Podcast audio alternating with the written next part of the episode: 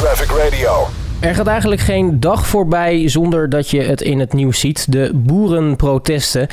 Ja, de boeren die gaan eh, massaal met eh, de trekkers de weg op richting bijvoorbeeld een Den Haag. Maar ook eh, Groningen zagen we afgelopen week al voorbij komen.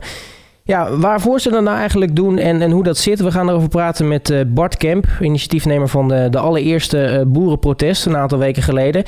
Bart, hele goedemiddag. Ja, goedemiddag, hallo. Ja, laten we vooropstellen, het is natuurlijk niet vanuit het niets gekomen dat de boeren massaal met de trekker de weg op gingen. Nee, het is eigenlijk vanuit een, een jarenlang uh, sluimerend gevoel, of, sluimerend, steeds voortdurende ergernis ook over onjuiste berichtgeving over, over boeren. Onjuiste uitlatingen door media, door politici. Um, wat je steeds terugleest en, en hoort en ziet.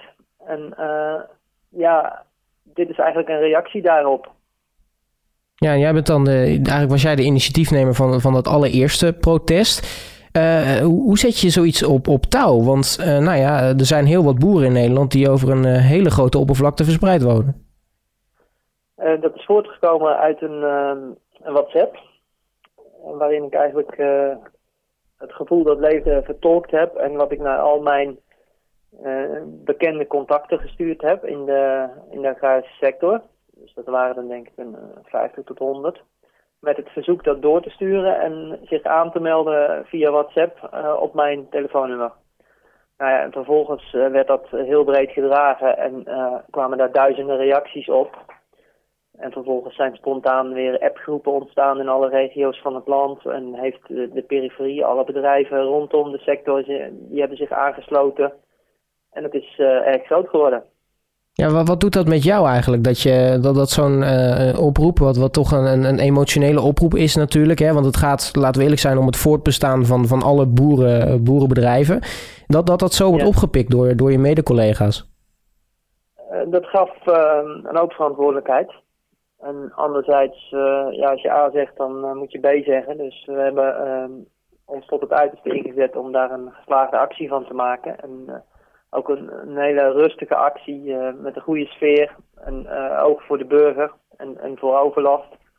En dat is gelukt. Dat was een, uh, een mooie actie en een mooi begin waar we met veel plezier op terugkijken. Ja, want als we kijken naar de, de, de acties, hè, um, nou, je hebt het vast meegekregen. Hè, er, zijn, er zijn heel veel burgers die, die, die eigenlijk achter de boeren staan, hè, die, die jullie steunen daarin. Er zijn ook heel wat uh, acties geweest in, in, verschillende provincies waarbij uh, stikstofmaatregelen bijvoorbeeld al zijn, zijn, zijn omgedraaid. Uh, hoe kijk je naar die resultaten van, van ja, deze, deze protesten? Ja, de eerste actie die was echt gericht op, op een hele brede herwaardering van de landbouw en het, het verhogen van kennis over het eten wat, wat wij maken onder de burger. En dat van jongs af aan. Nou, daarna is het stikstofprobleem in één keer uh, behoorlijk aangezwengeld door, uh, door het kabinet. Uh, waarvan de boeren dus weer de dupe zouden worden. echt heel grootschalig. En andere sectoren die, die ook heel erg vervuilen, eigenlijk ongemoeid gelaten worden in eerste instantie. En um, ja, nu is dat opgeschort, omdat er ook onzekerheid is over de metingen die het RIVM doet. En dat is nu breed gedragen, ook in de Tweede Kamer. Dus nu is dat met een eh, week of zes opgeschort, waarin uh, ja, ze eerst eens goed gaan nadenken wat voor maatregelen uh, er eigenlijk genomen moeten gaan worden. Kijk, en wij willen ook graag dat er echt een, een goede, vruchtbare dialoog op gang komt met de overheid, zowel vanuit Den Haag als provinciaal, zodat er een gedragen beleid kan ontstaan. Ja, nu was je bijvoorbeeld ook al uh, bij Pauw. Daar had je het ook vooral over hè, de kloof tussen uh, de, de, boeren en, en, en nou ja, de politici en beleidsmakers en dergelijke. Um, ja. in, in, hoe, hoe is eigenlijk zo'n zo'n kloof ontstaan? Dat dat toch eigenlijk, zeg maar, uh, de politiek toch niet doorheeft wat er eigenlijk echt speelt in, in op het platteland?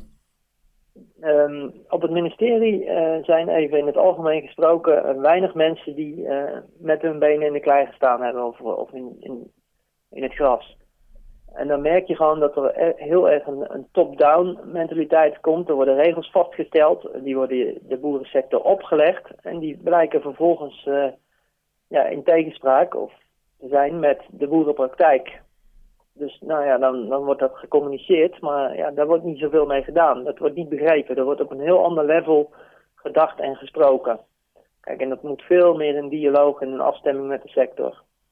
Want je zegt al, het begon eigenlijk met, met één WhatsAppje. maar daarvoor zit natuurlijk ook, ook, ook, behoorlijk wat frustratie, neem ik aan. want, want wat betekent dat voor jou bijvoorbeeld als, als schapenhouder zijnde? Ja, dat betekent, uh, kijk, wij houden dieren die lekker buiten lopen, uh, die in de natuur lopen. Uh, eigenlijk het hele jaar rond. En, een deel van de, van de lammeren, als ze geslachtsrijp zijn, we hebben schapenhouderij, dan worden ze geslacht, de rammen. Mm als ze geslachtsrijp zijn, dus dan zijn ze rond een half jaar oud. Eh, dat wordt niet meer eh, geaccepteerd. Dat trekt helemaal eh, door. Van, ja, zodat als je, als je mooie berichten van je bedrijf probeert te delen, als er lammetjes in de wei lopen of ze worden geboren, van, dat je gewoon vervelende reactie krijgt, reacties krijgt als moordenaar of wanneer worden ze geslacht. Of, terwijl mensen wel dagelijks hun, hun, eten kopen en ja, 90% eet ook ongeveer vlees. En dan heb je nog een 9% eh, eet wel eh, dierlijke producten. Dus er moeten ook gewoon dieren voor gehouden worden. En nog minder dan 1% die, eet, eh, die is veganist. Dus mhm. de praktijk van het dagelijks eten kopen is in tegenspraak met de uitlatingen die je als boer krijgt. Dat, mensen zijn veel te ver van het voedsel afgegroeid, of veel mensen althans in, in dat geval. Ja, want dat is, het is natuurlijk sowieso kwalijk als je af en toe hoort dat, uh, dat, dat kleine kinderen geloven dat melk uit de supermarkt komt, bijvoorbeeld. Ja, dat ook. Maar sowieso, als je, als je berichten op, uh, op social media zet, of gewoon ook op een, op een markt of op schoolplein, uh, ja, over je bedrijf spreekt, wat, waar je gewoon op een duurzame manier, manier voedsel produceert, ja, dan, dan ervaar je daar toch een flinke afstand in. Ja, en dan uh, komt natuurlijk dan ook nog daar uh, wetgeving uh, overheen. nou ja, daar is natuurlijk duidelijk tegen geprotesteerd. nu zijn er verschillende protesten geweest. jij was echt alleen verantwoordelijk voor die eerste, hè? Wij waren de organisator van, van het protest op 1 oktober, ja. En het protest in de provincies is door LTO georganiseerd. De Landbouwtuinbouworganisatie. Ook een belangenbehartiger van de sector. En het protest op 16 oktober was door Farmers Defence Force uh, georganiseerd. Dat, dat is ontstaan uit een Facebookgroep. Ja, dus er zijn inderdaad verschillende, verschillende partijen. Um, maar als we het hebben nu over uh, de toekomst, hè, want uh, zitten er bijvoorbeeld dan nog protesten aan te komen? Of vind je het wat dat betreft mooi geweest? Of? wij zijn bezig met de voorbereiding van een, een heel mooi burgergerichte actie. Um, kijk, en dat komen we binnen, binnenkort met meer informatie over. En dat, uh, dat zal behoorlijk groot gaan worden, maar echt wel, wel uh, daar komt geen publieke overlast door en die is echt uh, burgergericht. Oké, okay, dat is natuurlijk wel, dat, dat hoor je natuurlijk ook de laatste tijd. Hè, vooral de tractoren die, die veel overlast veroorzaken in die zin. Ja, ja, inderdaad. Als je als boer demonstreert, dat gebeurt, dat gebeurt niet vaak. Het was 30 jaar geleden, zo ongeveer. En ja, nu is het echt echt nodig.